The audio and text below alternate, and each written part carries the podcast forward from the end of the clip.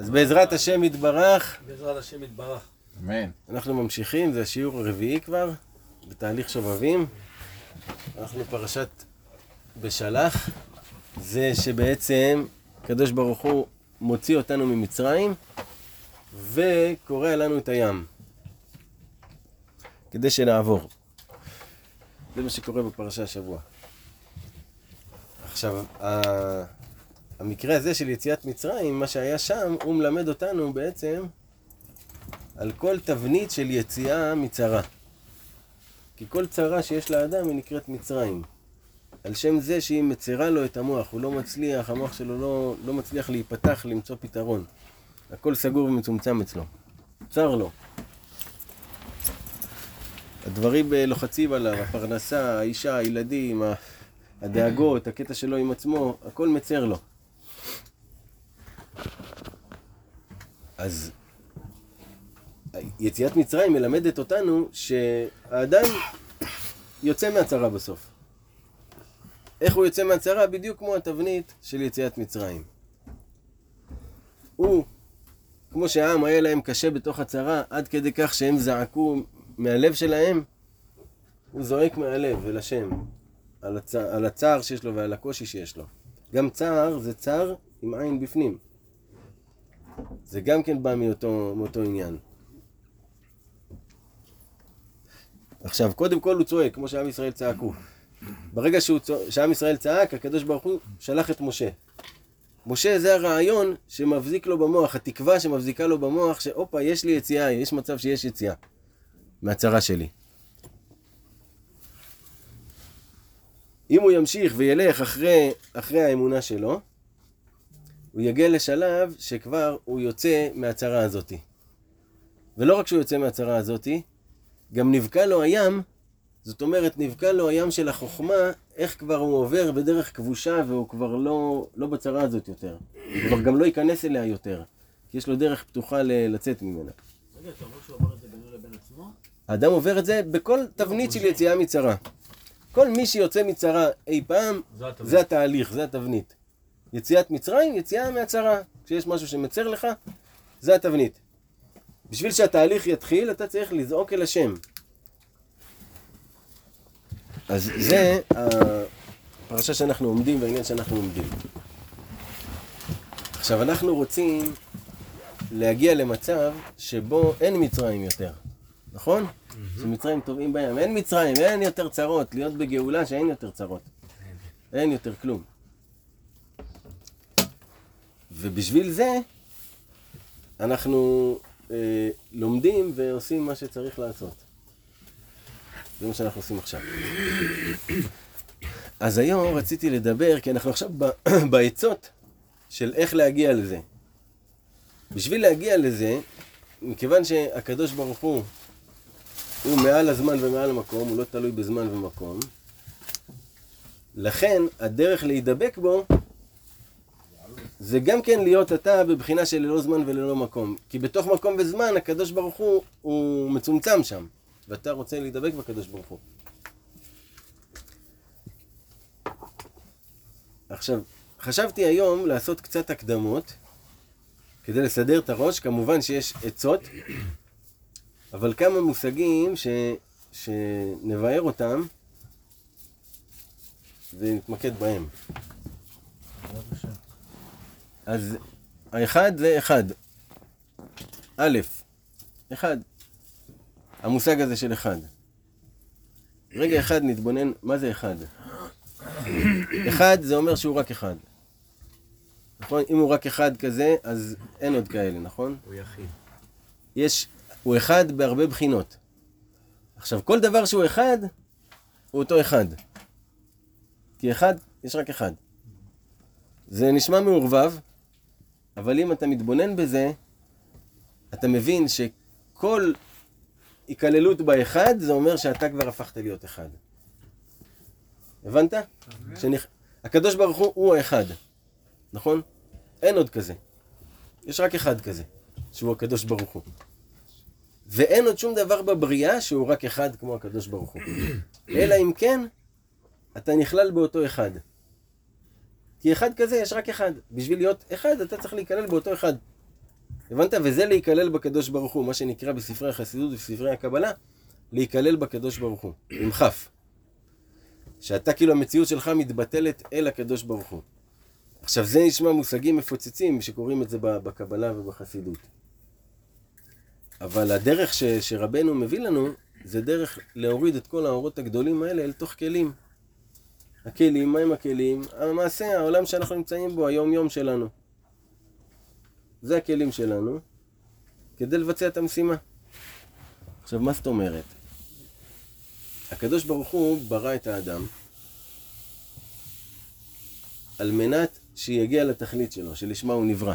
שהתכלית שלשמה הוא נברא זה להיכלל בחזרה בקדוש ברוך הוא. לעבור מסע כדי לחזור חזרה לקדוש ברוך הוא. מרצונו. הבנת? זה הכל הקטע, שזה יהיה מרצונו. כי, כי לפני כן אנחנו אצל הקדוש ברוך הוא באין סוף. הקדוש ברוך הוא רוצה שאנחנו נזכה בזה מרצוננו החופשי, שאנחנו נטרח בשביל זה ונרוויח את זה. שלח אותנו לעולם הזה כדי שנרוויח את זה. מה קורה בעולם הזה?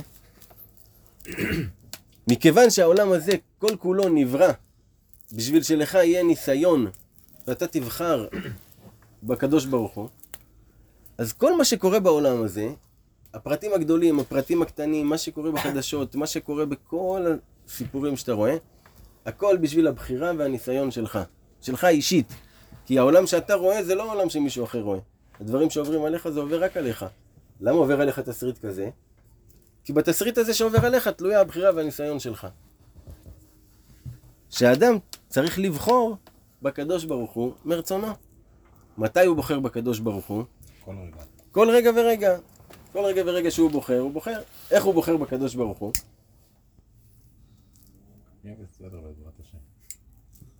הוא... בכל מצב בעולם הזה שאדם נמצא בו, יש משהו שאתה יכול לבחור בטוב. אפילו אם המשהו הוא לא רע, הוא ניטרלי, אבל יש לך אופציה לבחור בטוב, בלעשות את זה טוב. בכל נושא בעולם, נושא גשמי אני מתכוון. אתה בבוקר אה, קם עם, ה, עם הילדים, במקום לעשות את זה במהירות, בזה, בזה, אתה רגע אחד עושה את זה בטוב. אתה עושה את זה בטוב, אתה אומר, יאללה, אני גם ככה עושה את זה. אז בוא אני אעשה את זה בטוב. הופ, בחרת בטוב, באותו רגע, בחיים שלך. אתה נוסע לעבודה, אתה בכביש, אתה רואה מישהו מנסה להיכנס, אפילו שזה מעצבן אותך שהוא עקף את כולם וזה, לא, לא, אני בוחר בטוב. בכל סיטואציה בחיים שלך, יש לך אופציה לבחור בטוב. כי הכל בשביל הבחירה והניסיון, ואין רגע ואין מקום שאתה נמצא בו שהוא לא בחירה וניסיון בשבילך לבחור בטוב. עכשיו, האלף אמרנו זה הקדוש ברוך הוא שהוא רק אחד. אחרי האלף יש בית. העולם הזה נברא בבית, בבראשית. ללמד אותנו שהכל בעולם הזה, זה כלל חשוב שצריך לזכור אותו, הכל בעולם הזה הוא זכר ונקבה, הוא שתיים. אין שום דבר בעולם הזה שהוא אחד. רק הקדוש ברוך הוא אחד, הוא היחיד שהוא אחד. כל שאר הדברים הם זכר ונקבה. עכשיו, זכר ונקבה, זה לאו דווקא במובן שאנחנו מבינים זכר ונקבה או זכר שמשלים נקבה, אלא זה יכול להיות תנועות בנפש. כל התנועה הזאת היא של רצו ושוב. למעלה, למטה, קדימה, אחורה, ימינה, שמאלה. כל הזמן התנועה היא תנועה של רטט, מנקודה לנקודה. שהן על אותו ציר, אבל הן רחוקות אחת מהשנייה בקצוות. זה העולם הזה, ככה הוא עובד, הכל עובד ככה. העולם בנוי מבית, מבראשית. עכשיו, אם תזכרו, אנחנו רוצים לחזור לאלף. לאחד אנחנו רוצים להיכלל, כי בבית, בבראשית, יש טוב ויש רע. אתה יכול להרגיש טוב, אתה יכול להרגיש רע. יש לך פירוד. ובאלף יש רק טוב. אז אנחנו רוצים, השאיפה שלנו היא לחזור לאלף שהוא כולו טוב. מהבית. אנחנו מבינים את זה? שהדואליות זה מה שיוצר לנו בעצם את הקשיים בחיים. אז אנחנו רוצים לחזור לאחד. אבל הדרך לחזור לאחד היא דווקא על ידי הדואליות. וזה נקודה מאוד מאוד חשובה.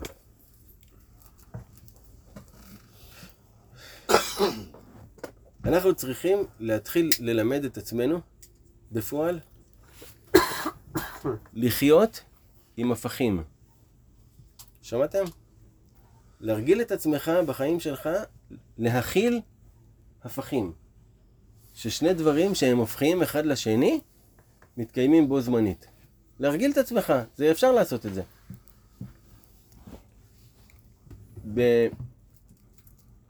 במשהו שנראה לך שהוא, שהוא לא אפשרי,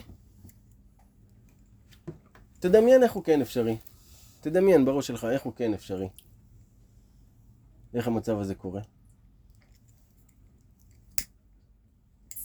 ואז ברגע שאתה בדמיון שלך מצליח לראות שזה קורה, הופ, יש דואליות, כי נכנסת בך אמונה שזה יכול לקרות. אם הצלחת לדמיין את זה, יש מצב גם שזה יכול לקרות. עצרת קו. אז נוצר לך דואליות. שמצד אחד המציאות מראה לך לא, אין סיכוי, מצד שני, אתה... יש לך תקווה. אז אתה עם דואליות. עכשיו, יש שיטה שהיא נקראת שיטת ההפכים. לשחק עם עצמך משחק. סתם אתה רואה משהו, לחשוב מה ההפך שלו. הרי כל דבר נברא בזכר ונקבה. אתה רואה את הדבר הזה, אתה מאפיין אותו מהו, ומה ההפך שלו. הבנת? זה מדהים לראות את זה. ואז אתה מתחיל לשחק ולזהות הפכים. כאשר חשוב לדעת ששני ההפכים הם מתקיימים באותו נושא, תמיד, כי לכל, לכל שני הפכים יש ציר אחד שהם קשורים אחד בשני, זאת אומרת שזה פשוט אותו דבר במינון אחר. הבנת את הקטע של הציר? איזה, איזה שתי מידות יש לנו בציר? לדוגמה. כעס ורחמים. אהבה ושנאה נגיד. אז אהבה זה בצד אחד ושנאה בצד שני. למרות שלא שנאה זה ההפך של אהבה. כעס ורחמים. אה, אה, יראה זה ההפך של אהבה. הם על אותו ציר. זאת אומרת שקצת יראה, ממש ממש מינימום של יראה יוצר אהבה.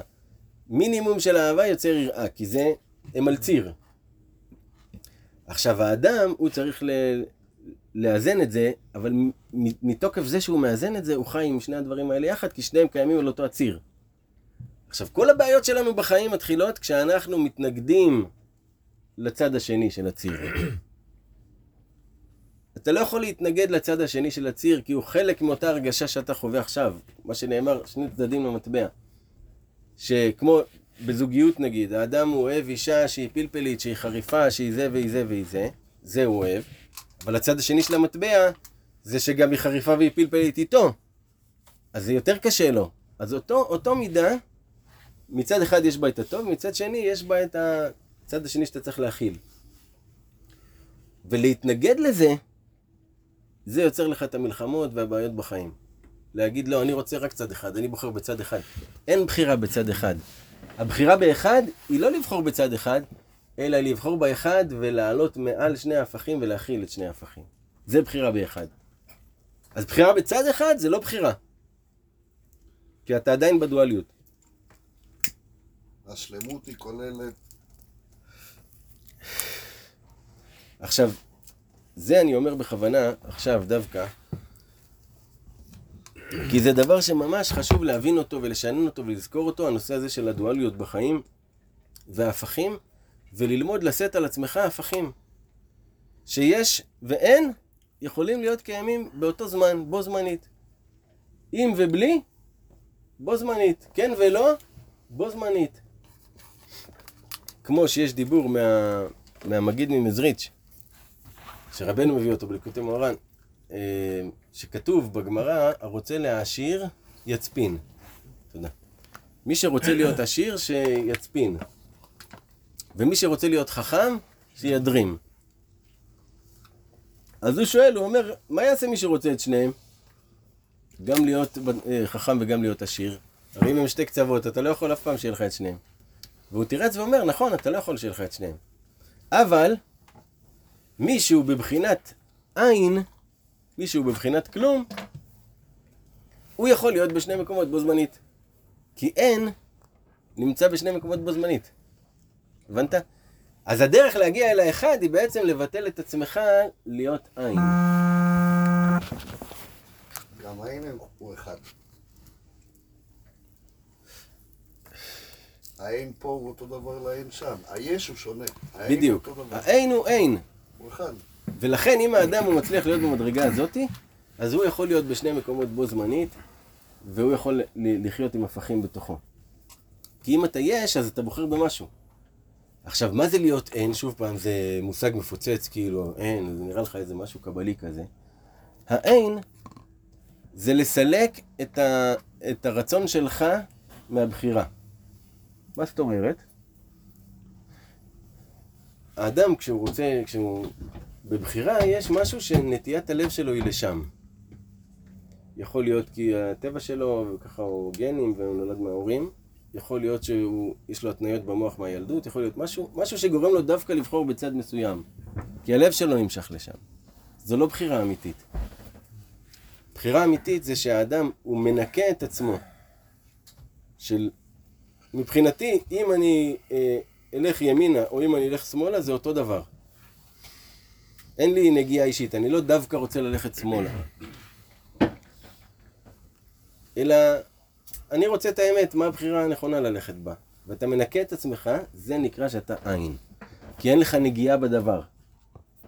אז ככל שאתה מצליח לסלק את עצמך מזה שיהיה לך נגיעה בדברים, ככה אתה יותר נכלל בעין, ואתה יכול להיות בשני מקומות, ולהרוויח גם עושר וגם חוכמה, וגם את כל ההפכים בו זמנית. שזה בעצם החידוש הגדול של רבנו, שהוא, הוא אמר על עצמו, ומובא בכתבי אריזל, שכל הכתבים שנכתבו הם רק מהשבע ספירות התחתונות. ורבנו אמר, אבל אני מביא את התורה שלי והצביע עם היד. הוא לא אמר אפילו את המילה. שהוא מביא את התורה מהכתר. שהתורה של רבנו היא הדבר היחידי שנאמר שהוא מהכתר. מה זה אומר, המושג המפוצץ הזה גם כן. עכשיו, כתר במובן הרגיל, אנחנו מדמיינים כתר של מלך כזה על הראש, נכון? היותר מפותחים מדמיינים הילה כזה מסביב לראש, שזה הכתר. אבל האמת היא שהכתר הוא הכל. הוא כל מה שעוטף אותך, הוא כל מה שמכיל אותך. כל ההוויה שלך זה הכתר. אין איזה נקודה שהיא הכתר. כל ההוויה שלך זה הכתר. זה אומר שזה כולל את כל מה שאתה. הבנת? לכן זו ספירה שאי אפשר לתפוס אותה. אי אפשר, זה לא משהו שאתה יכול להבין אותו, כי ברגע שהבנת, הכנסת לתוך המוח ואז הוא כבר לא כולל אותך. יש לך רק אותו במוח. לכן כתר הוא בהכרח מעל המוח והוא מקיף את כל כולך, הוא כולל את כל הצדדים שלך, הכתר. ואדם יכול להגיע לשלום ובאמת להיכלל באחד רק כשהוא שלם עם כל הצדדים שלו. כל הצדדים שיש לו באישיות. אז אם כך, נחזור לדואליות בהקשר הזה. האדם יש לו צד באישיות, כמו שאמרנו, יש לו צד אחד שהוא הוא חם, וזה טוב, וזה אוהב. מצד שני הוא חם, אז הוא גם יכול להידלק מהר. הבנת? והוא כאילו אומר, וואי, אני רוצה כבר לגרש את הדבר הזה שאני חם מזה, כאילו שאני כועס. אבל אם הוא יגרש את זה, הוא גם מוריד את, ה, את רמת החום שלו באופן כללי, אז גם החום הטוב ירד לו. אז האדם צריך לכלול את שני הצדדים. אני גם כזה וגם כזה.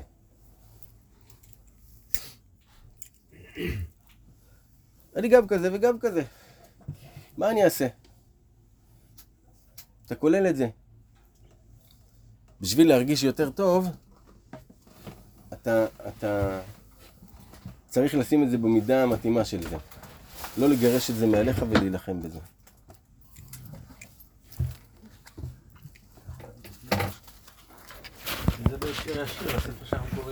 כן, כן, כן. כן.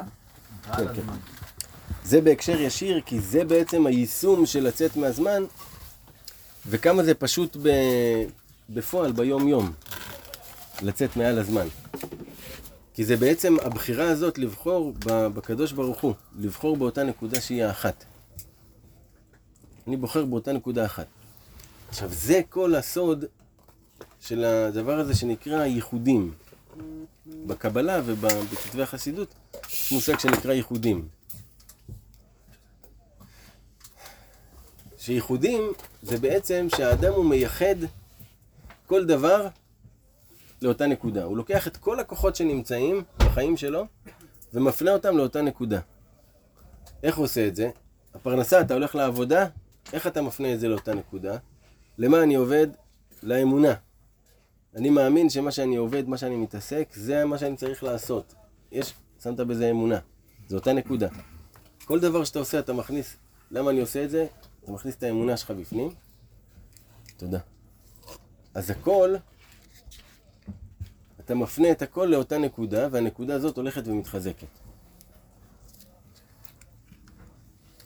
עכשיו, נדמיין את זה כמו ספרי, שהוא מנקה חלונות. יש לו את השפריץ החד הזה, שהוא אחד, שהוא יוצא חזק ונקודתי, ויש את הזה שהוא מפוזר. שאתה משפריץ וזה מפוזר לך. עכשיו, מי יותר חזק? הנקודה האחת שכל הכוחות הצטמצמו אליה, החור הוא נסגר וכל המים מצומצמים לאותה נקודה. לכן ביהדות, בשביל לחזק, אנחנו מפנים את הכל אל אותה נקודה. שימו לב, החגים מופנים לאותה נקודה. ציווי השם, אנחנו עושים את זה בשביל השם. אתה קם בבוקר, המצוות של הבוקר. כל מקום שאתה נמצא, המצוות וה, וההלכות וכל הדברים שיש הם על מנת להפנות אותך לאותה נקודה, שכל הזמן אתה תתעסק באותה נקודה, לאחד. והכוחות שלך לא יתפזרו. כי ברגע שהכוחות מתפזרים, מתחילים לך מריבות בנפש, כי אתה מצד אחד רוצה את זה, מצד שני לא בא לך כבר על זה, מצד אחר אתה מרגיש אה, תשוקה, מצד שלישי אתה זה. כל הכוחות של הנפש שלך מפוזרים, כי אתה רוצה דברים מנוגדים. לאחד. לכן כל המטרה היא שוב פעם להחזיר אל האחד. אבל הדרך להחזיר אל האחד היא לכלול את הדואליות.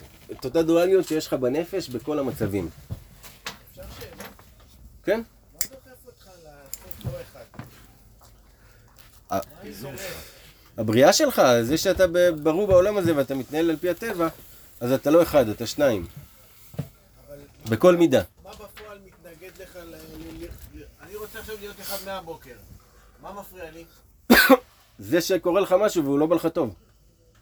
שאתה מתייחס לזה כאילו... לא כן, בצורה- שהוא נוגע לך בלב, הוא הזיז לך בלב, טאק, אתה בדואליות.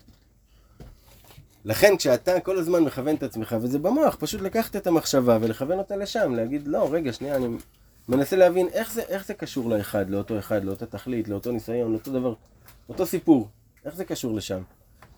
ואז אתה אוסף את הכל לשם. ואמרנו, כל אחד הוא אותו אחד.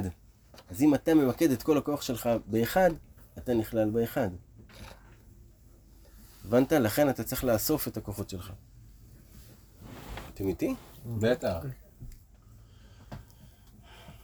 נחזור לאלף. אז אם ככה העצה היא, העצה בפועל, למעשה, היא להתחיל לתרגל את הנושא הזה של דואליות והפכים בתוך החיים.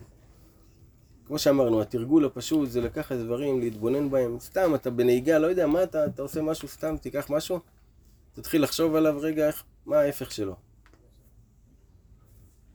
כמו שרבנו אמר, שאם אתה תדע את החיסרון של משהו, אתה תדע את המהות שלו.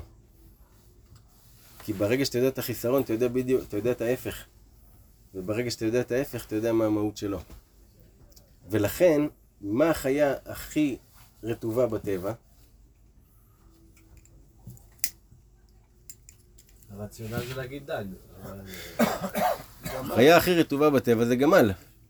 בגלל שהוא, בגלל זה צריך לשים אותו במדבר, שזה המקום הכי יבש, שהוא לוקח בתוכו הכי הרבה מים.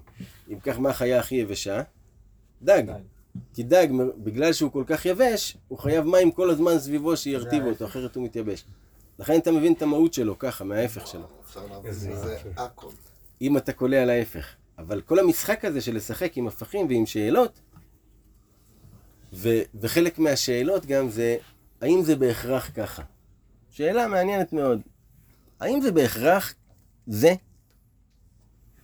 הדבר הזה שעכשיו אני מתמודד איתו, או שאני שואל, או שאני מפרש, האם זה בהכרח כמו שאני מפרש, או שיש אופציה אחרת? מה ההפך של האופציה הזאת שאני מפרש? אתה נתת פירוש של משהו?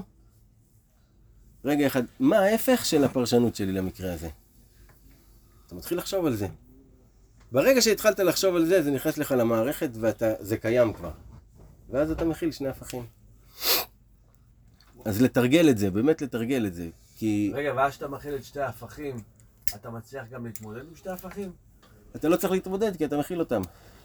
אתה בכתר, הם פשוט קורים. הבנת? שניהם קורים. שניהם קורים. ואתה בשלום עם שניהם. עם כל הצדדים שלך אתה בשלום. כן, אבל זה במחשבה שלי, כי הכנסת אותה למחשבה שלי. אבל בפ- בפועל, במציאות, מה, תן לי דוגמה. לדוגמה, אה, לא יודע, לא הולך עכשיו בעסק. אוקיי? כן. ואז אתה מקשר את הכל לקדוש ברוך הוא, אתה אומר, תשמע, זה... זה המצב. הקדוש ברוך הוא, אני זורם עם מה שקורה, הכל סבבה. ממשיך, ואז עוד פעם כאילו מגיע הקושי הזה. עוד אוקיי. פעם אתה ב... ברוטינה הזאת. כאילו. ומה הפרשנות שאתה נותן? למה זה קורה לך? איזה פרשנות אתה נותן לזה? כל פעם יש לך דברים חיצוניים, אחי, שגורמים לך לא להיות עם האחד. לא, אבל למה קורה לך הדבר שמפריע לך? מה הפרשנות שאתה אומר? למה זה קורה לך? למה, למה לא הולך לך בעסק? למה לא הולך לך בעסק? לפי דעתך. אה, בפרשנות אולי כי אני לא משווק כמו שצריך. מה ההפך אוקיי. מזה? מה ההפך לזה? דמיין את עצמך משווק, משווק. פגז, משווק זה, משווק זה. כן. אם זה באמת יעשה שילך לך בעסק, הופה, הרווחת. יפה, עכשיו שיווקת. בדיוק כמו שחשבת שהצד השני... ולא, לא הולך לך. לא הולך לך. אוקיי. מה הפרשנות שאתה נותן? למה עכשיו לא הולך? כי זה לא זה כנראה. זה הפרשנות שלו זה? אולי זה כן זה, ההפך. אולי אני לא עושה נכון. יש הרבה הפכים. מה. ההפך הנכון? מה, יש יש צדיקים שקיבלו מלא תורה, אפס כסף. היו רעבים. כן. אז הוא יכל להגיד, אני קיבלתי מלא מזה, מלא מזה, אני מכיל את הדואליות של החיים שלי. כן, בדיוק. בסך הכל, אני מאוזן. בדיוק. אם אתה מצליח להכיל את הדואליות, אתה מאוזן כי אתה באחד, באלף, שזה איזון, אוזן, כמו שאמרנו. ברגע שאתה מצליח להכיל את ההפכים בתוכך, בכל נושא, אז לתרגל את זה, פשוט לתרגל את זה. עצם, עצם זה שאתה לרגע אחד מצליח להכיל שני הפכים, באותו רגע אתה מעל המקום ומעל הזמן. תנסה אפילו לדמיין בראש שלך, רבנו כותב בשיחות הר"ן, שהקדוש ברוך הוא עושה דברים נפלאים שאין יודעים כלל איזה דברים נפלאים קורים בעולם. ואז התחלתי לרוץ עם הדמיון שלי, כאילו, מה, איזה דברים נפלאים כבר יכולים לקרות, שזה משהו מגניב כזה. אז אמרתי, בואנה, יכול להיות שאני בעצם נמצא גם כאן וגם בעוד מקום. אם הקדוש ברוך הוא עושה הכל, אז, אה, ויש דברים נפלאים, אז יכול להיות מצב כזה גם כן. ואז אתה מתחיל לדמיין איך זה שאני גם כאן וגם במקום אחר. באיזה מקום אני נמצא. ואתה פתאום חי עם מציאויות, אה, שהן שתי מציאויות בעצם, אתה מצליח להכיל את זה. ככל שאתה מגדיל את הכלי שלך של להכיל, אתה ככה אתה מעל הזמן ומעל המקום, כי אתה לא תלוי בכלים. עכשיו, איך זה מתבצע? יש משחק. זה משחק ממש יפה. יש חוקים למשחק, אומרים לך, כשאתה נתקל במצב כזה, תעשה ככה. כשאתה נתקל במצב כזה, תעשה ככה. אם אתה בבוקר, תעשה ככה. אם אתה בצהריים, כדאי שתעשה ככה. הגיע שבת, תעשה ככה. המשחק הוא ההלכות. ההלכות, הן כולן מכוונות לאחד. זאת אומרת שאם אתה בוחר בדרך שלהם, הן מובילות אותך לאחד. עכשיו, הן מדברות, ההלכות מדברות על כל נושא ונושא בחיים. כל נושא שתיקח, יש הלכות שקשורות לנושא הזה. עכשיו, אם אתה יודע את ההלכות שקשורות לנושא הזה, אתה מתנהל מתוך המקום הזה. אתה... זה, זה חוקי המשחק. נתנו לך חוקים למשחק. שאם אתה עושה את זה, בכוונה, ב... לא בקטע שאתה עכשיו בא ומחמיר על ההלכות ומשתגע עליהן ונהיה דקדקן. לא. בקטע של רגע, מה השם אומר לי במצב הזה? מה הרעיון בכלל שעומד מאחורי ההלכה הזאתי? אתה מתחיל לחיות עם ההלכה עצמה, להבין אותה, לראות רגע איך זה מכוון אותי לאחד. איך ההלכה הזאת שאני מקיים עכשיו מכוונת אותי לאחד. אתה מבין? ואז נהיה לך כבר התנהלות אחרת, כי אתה מסתכל על ההלכות בצורה אחרת. ואתה לא ממקום נוקשה אתה בא, אלא ממקום שאתה, השם הוא זה שאומר את זה. בוא נבין מה, מה הרעיון, מה אני עושה עם זה. ואז אתה במשחק. וכשאתה במשחק, אז, אז החוקים שם הם לא חוקי הטבע. בחוקי הטבע, אם אתה כאן, אתה לא יכול להיות שם, אם יש לך, אז לא, אין לך. אתה יודע, לא יכולים להתקיים שני הפכים בעולם, בעולם הטבע, בעולם של הבית. אתה הולך בחוקי המשחק כמו שצריך, אתה מגיע לאלף. אבל שוב פעם, זה מה שרבנו אומר בתורה ו', שכשאדם רוצה באמת לשוב אל השם, הוא צריך להיות בקיא בהלכה. מה זה אומר? לדעת את ההלכה. לא מעלונים ששמעת הרב ההוא אמר ונוהגים שלא לעשות ככה. לא זה, תלמד, תבין, קח לך הלכה, נושא שמעניין אותך, תלמד, למה ההלכות הן כאלה? למה צריך לעשות את זה בכלל? למה נוגעים בנושא הזה? לאן זה קשור? מה זה?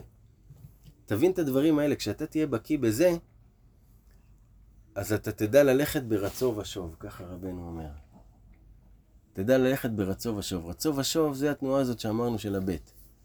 של עלייה, יש לך עלייה, אתה בעלייה, הכל זורם לך, הכל זה, הכל זה, פתאום טאק, ירידה. הטבע של האדם להתנגד, לנסות להמשיך לעלות. ואז הוא אוכל כאפות כשהוא מתנגד למציאות. הוא צריך לרדת עם הירידה. מה עושים? שם יש הלכות אחרות, עכשיו אני בירידה, אתה מנסה להבין את מה ההלכה של הכי גמורים, יענו, אומרת. אתה מבין? אבל אתה בתוך, עדיין בתוך המשחק. ואז אתה, אתה יכול ללכת על הדרך העולה בית אל, שזה להגיע אל האלף, להגיע לאחד, לעלות מעל המקום ומעל הזמן. עכשיו, עוד דבר, עוד דוגמה לדואליות. גם תשימו לב, כל הזמן רבנו תמיד מדבר משתי בחינות, כן? תמיד כשמדברים על משהו, קיימת גם הבחינה ההופכית שלו, תמיד. אפילו יש לרבנו תורות, שאחת יכולה להגיד משהו והשנייה אומרת את ההפך. שניהם נכונים. איך יכול להיות? לא יודע, שניהם נכונים. כן. אולי בזמן כזה ובזמן כזה, לא יודע, זה כמו מה שכתוב בגמרא, אלה ואלה דברי אלוהים חיים. תנא אחד אומר ככה, תנא אחד אומר ההפך, לא יודעים איך, שניהם יהיה את השם. זה כתר. לא צריך, אתה לא בוחר צד, שניהם בדיוק נכונים. איך? לא יודע איך, אבל אני מאמין שזה ככה. האמונה היא מצליחה לכלול את הכל, כי באמונה מותר לך להאמין מה שאתה רוצה. וזה אמונה פשוטה. כן. במציאות זה לא ככה, אבל אני מאמין שזה כן ככה. אני מאמין שכן ולא יכולים להתקיים יחד. עכשיו, כל הדברים האלה וכל העצות שאנחנו שומעים מרבנו, הם מכניסים תשוקה בלב לאדם. והאדם הוא רוצה ללכת ולחטוף ולהיות גם ככה וגם ככה וגם לעשות את העצה הזאת וגם את העצה הזאת. זה טבע של האדם שהוא מתלהב. עכשיו, מצד אחד צריך להתלהב, מצד שני לא להתלהב. צריך להיות מאוד מאוד מאוד מיושב בדעתך ולהיות סבלני. כי רבנו אומר שמידת הכתר זה ערך אפיים, זה הסבלנות. אז הצד השני של זה, זה סבלנות. שמצד אחד אתה צריך לרוץ ולעשות את זה, מצד שני אתה צריך לחכות בסבלנות עד שבאמת אתה תרגיש משהו, עד שבאמת אתה תתפתח לזה, עד שבאמת משהו יקרה. אתה חייב הרבה סבלנות. אז אתה צריך גם להיות מהיר וגם להיות סבלן ולחכות. עכשיו רבנו אומר שיש זריז ונשכר וזריז ואינו נשכר. מה זה זריז ונשכר? זה מי שבזכות זה שהוא היה זריז הוא הרוויח. הוא היה מהיר אז הוא הרוויח. ומה זה זריז ואינו נשכר? זה אדם שבגלל שהוא היה זריז אז הוא הפסיד משהו. את, את מה שהיה בדרך הוא הפסיד כי הוא דילג מעל זה. עכשיו, רבנו אומר שהאדם מצד אחד חייב להיות זריז ולעשות כל מה שהוא יכול, כל הזמן להיות על זה, מה שאני יכול לעשות אני עושה. מצד שני, הוא צריך להמתין הרבה הרבה הרבה בכל מדרגה, לא לקפוץ מדרגות. אלא כל מדרגה, אתה עכשיו עושה משהו, קיבלת לעצמך איזה הנהגה בראש, איזה משהו, אתה עכשיו נותן לזה, אתה עם זה, אתה לא עכשיו מכניס דברים חדשים וזה וזה. הכל, כל מה שאתה לומד מעכשיו, תקשר לנקודה הזאת שאתה עכשיו הולך איתה.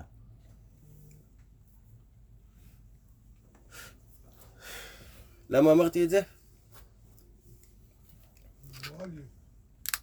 כן, אבל באיזה עניין? אה, על הזריז ונשכר. זה נזכר. כי רבנו אומר שיש בחינה שהיא נמצאת בין המדרגות. שיש שם הרבה מתנות לקבל.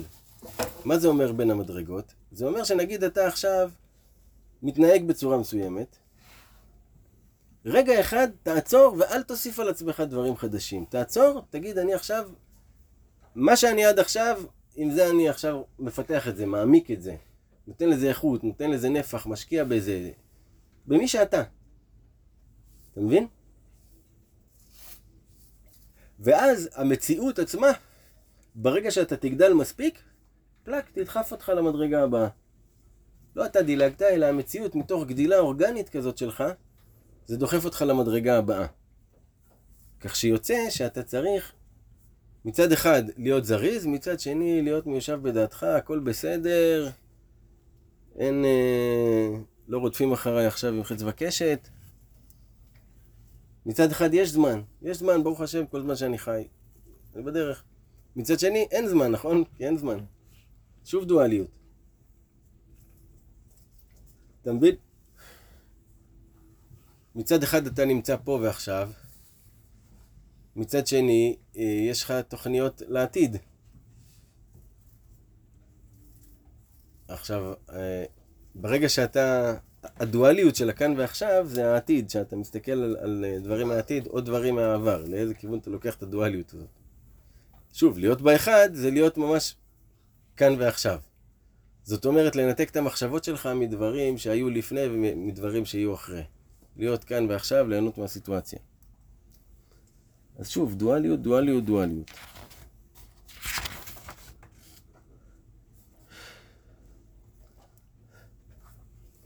עכשיו, בתובנה הבאה, או העניין הבא, הוא אומר שבכל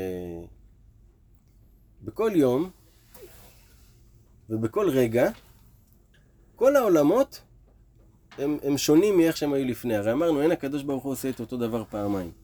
זאת אומרת שגם בכוכבים, התנועה, המיקום שהם נמצאים בזמן מסוים, רק אחד כזה יש, זה תמיד משתנה. אז כל הזמן יש שינויים בעולמות.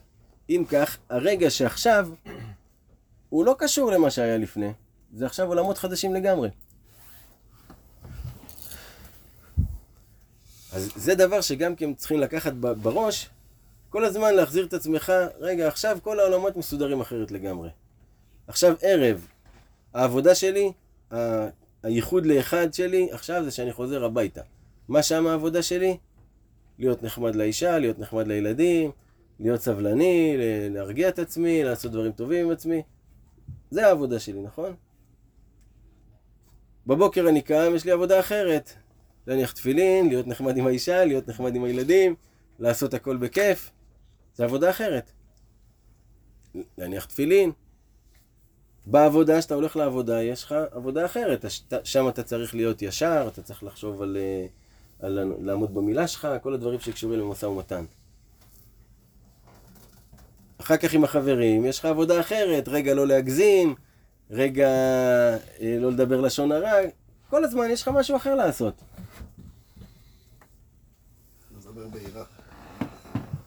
עכשיו, בג- כי כל העולמות שונים לגמרי, הרגע הזה של עכשיו לא יחזור לעולם, אז הכל שונה, הכל זה חדש.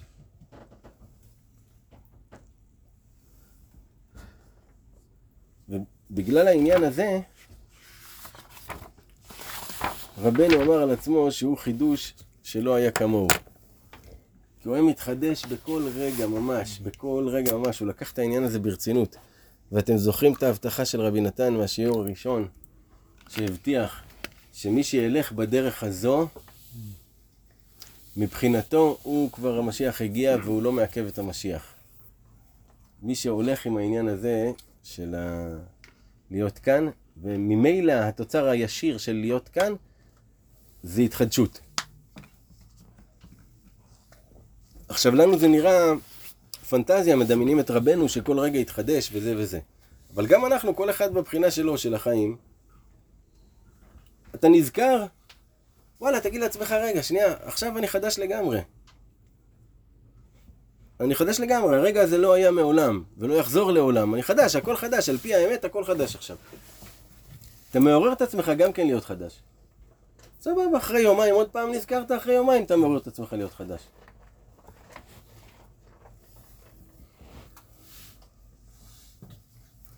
שרבנו סיפר שהוא בעצמו זכה למה שזכה על ידי שהתחיל בכל פעם מחדש.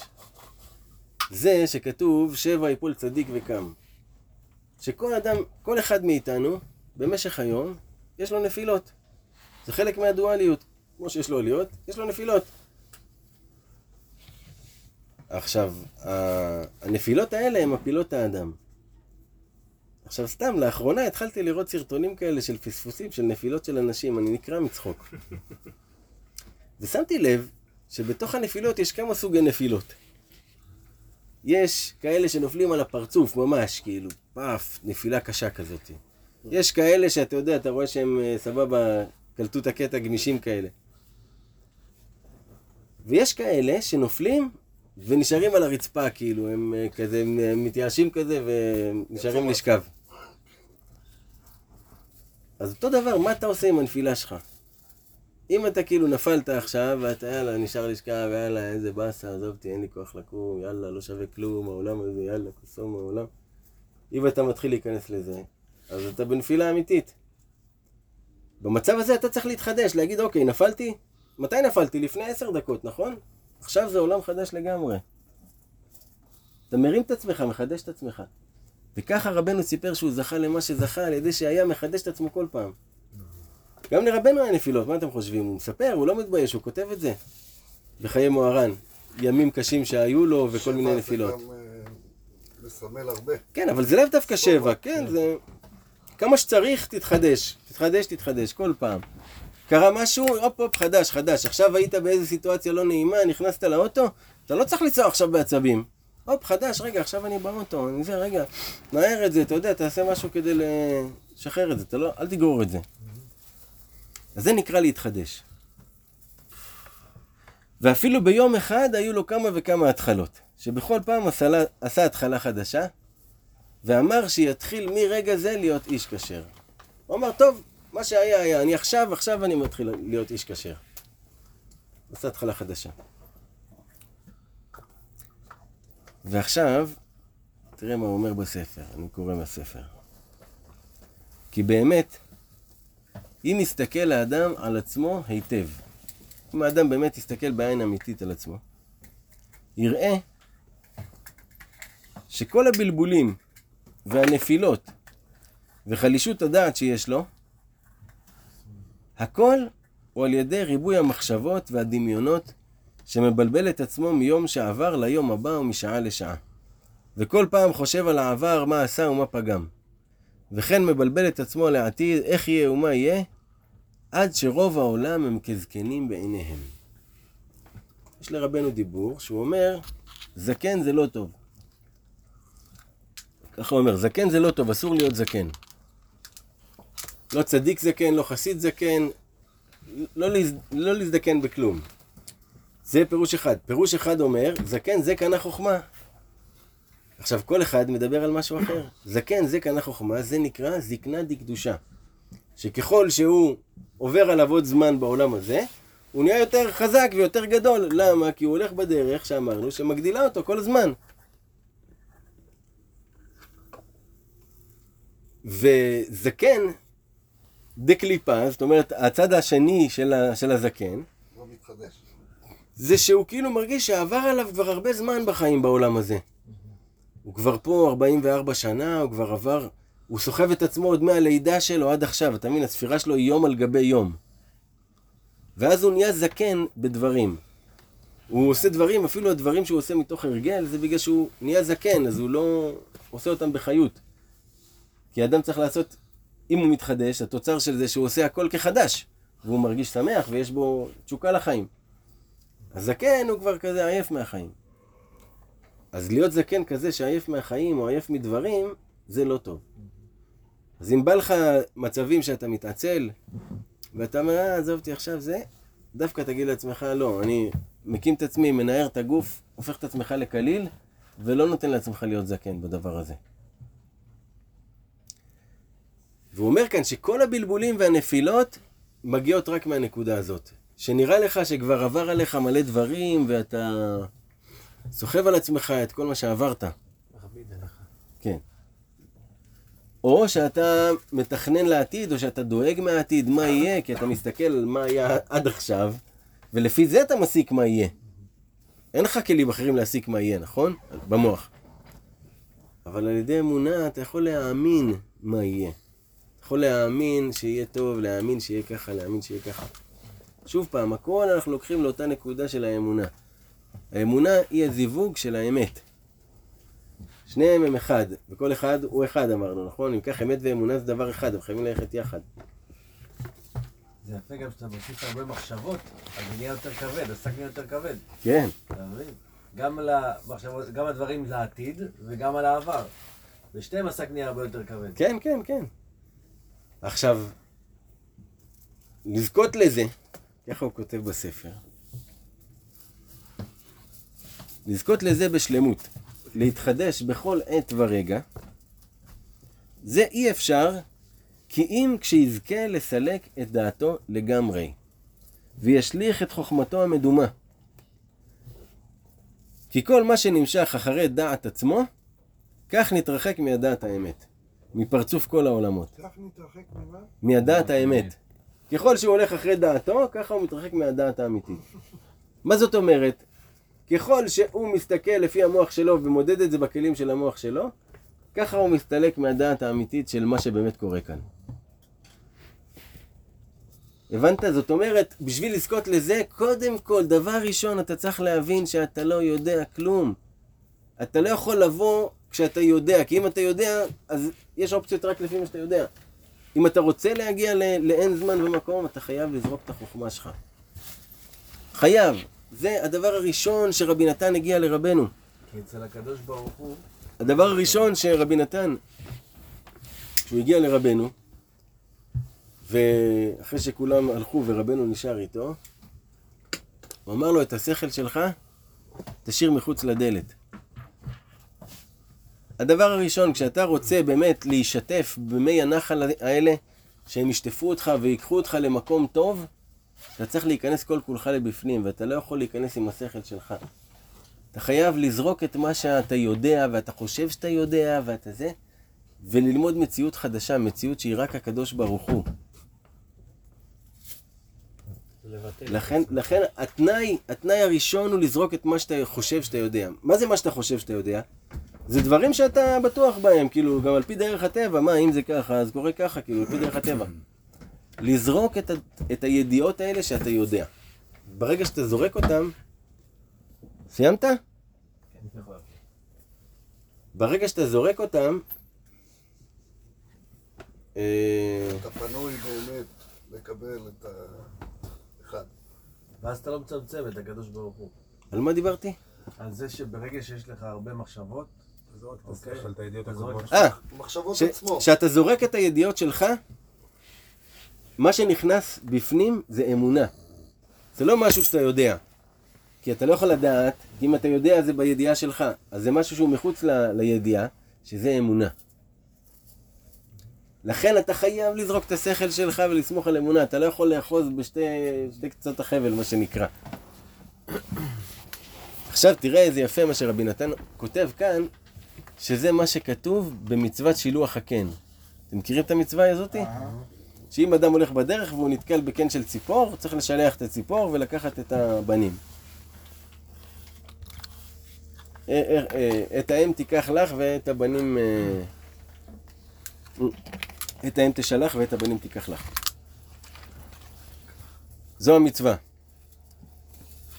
הוא אומר כאן, שכתוב בתיקוני זוהר, שמי זה ה...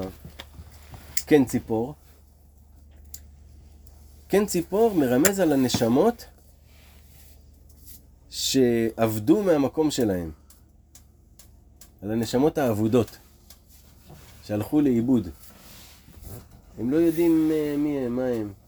במילים אחרות, אנחנו, כל הנשמות האבודות, הרי, הרי אדם שהוא מקטנותו גדל ב, בדעת הזאת, אז הוא חווה חיים אחרים לגמרי. הוא לא הלך לאיבוד, הוא נולד ישר אל תוך הקו שלו. אבל אנחנו, שעם כל מה ש... הצורה שגדלנו וכל העניינים, אין לך באמת ידיעות ברורות על דברים, אתה כזה... אז הנשמות האבודות זה כולל את כל מי שהוא אבוד בחיים והוא עוד לא מצא ועוד לא יודע את הדרך לחזור ל... למקום שלו. שעל זה מרמז הפסוק כי יקרא כאן ציפור לפניך בדרך. שלח תשלח את האם ואת הבנים תיקח לך. שמי שרוצה להתקרב אל הקדושה, צריך לסלק את הדעת והחוכמה שיש לו. שזה האם. כי- האם היא אם לבינה, ככה כתוב. האם זה הבינה. מה שאתה חושב שאתה מבין, אתה צריך לסלק את זה. זה מצוות שילוח הקן. לשלוח את מה שאתה יודע, לשחרר אותו. לזרוק את הדעת. ואת הבנים תיקח לך, שזה כל הפירות. עכשיו, מהדבר הזה כולנו סובלים. גם כשאדם הוא שומע, או שהוא למד כמה ספרים, או שהוא שמע כמה רבנים וזה, והוא הכניס לזה כאילו זהו, זה אמת מסיני, זה, זה, זה, זה, שם על זה יתדות ומסמרות. הוא לא יכול ללמוד משהו חדש, כי הכל הוא ייקח את זה לפי ההבנה הזאת של היתדות ומסמרות שהוא שם לו. אתה חייב תמיד לזרוק את כל מה שאתה יודע, ולדעת שכל מה שאתה יודע, מי יודע מה עוד יש לדעת, אולי משהו שהופך לך את כל מה שאתה יודע. אחרת אתה לא תדע כלום. קשה. כן. ובאמת, תראה, ואפילו כשנכנס בעבודת השם, שזה אנחנו, שאנחנו רוצים להיכנס אל העבודה הזאת, שהיא עבודת השם, של להיכלל באחד, צריך לסלק מדעתו כל החוכמות והבלבולים. לסלק מדעתו, זה כאילו לגרש אותם. לא חושב עליכם, לא מכניס את המחשבות האלה בכלל, מסלק אותם. כל החוכמות והבלבולים שמבלבלים אותו מיום לחברו. כל מה שהוא מבלבל אותך מ- מאתמול, או ממחר, או מזה, לסלק, לגרש, לא חושב את המחשבה הזאת, לא רוצה. שכל זה נמשך מהחוכמות של הבל שהורגל בהם מנעוריו, שנקבעו בו כאילו קיבלה מהר סיני. כל הדברים שאנחנו דפוסים אצלנו, כאילו זה מהר סיני קיבלת את זה. זה מה שמבלבל אותך ועושה לך את ההשקפה הלא נכונה על החיים ועל מה שקורה לך. זה מה שעושה לך את הצרות והבעיות. הדברים שאתה חושב שאתה יודע. ובאמת, אלו הסברות והחוכמות שלו שמבלבלים אותו, נמשכים מחטא אדם הראשון מעץ הדעת טוב ורע. מזוהמת הנחש שהטיל בחווה. שמשם נמשך שכל אדם כשנולד ממעי אמו, יש בו אחיזת הזוהמה הזאת. מהי זוהמת הנחש? המחשבות שלך. המחשבות שמבלבלות אותך מזמן אחר, או ממקום אחר. אין לך כי אם את הזמן והמקום שאתה נמצא בו עכשיו. כל המחשבות האלה שאתה חושב שאתה יודע דברים, מה זה אומר אתה יודע דברים? אתה יודע שעד עכשיו עשית כך וכך, וזה הוביל אותך עד לכאן, אז אם אתה תעשה כך וכך, זה יוביל אותך לשם, אתה יודע את זה, נכון? אפילו את הדברים האלה אתה צריך לשלח, להאמין.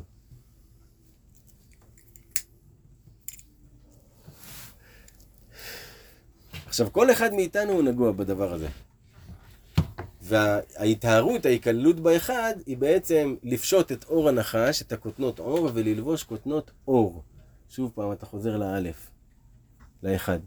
ששם ביטול כל הזמנים, ביטול כל המקומות, רק אהבה אינסופית. שגם הדבר הזה, אתה, אתה חווה אותו לרגעים. אבל כל רגע כזה הוא נצח. ושהקדוש ברוך הוא יזכה אותנו ויעזרנו על דבר כבוד שמו. ברוך אדוני לעולם, אמן ואמן.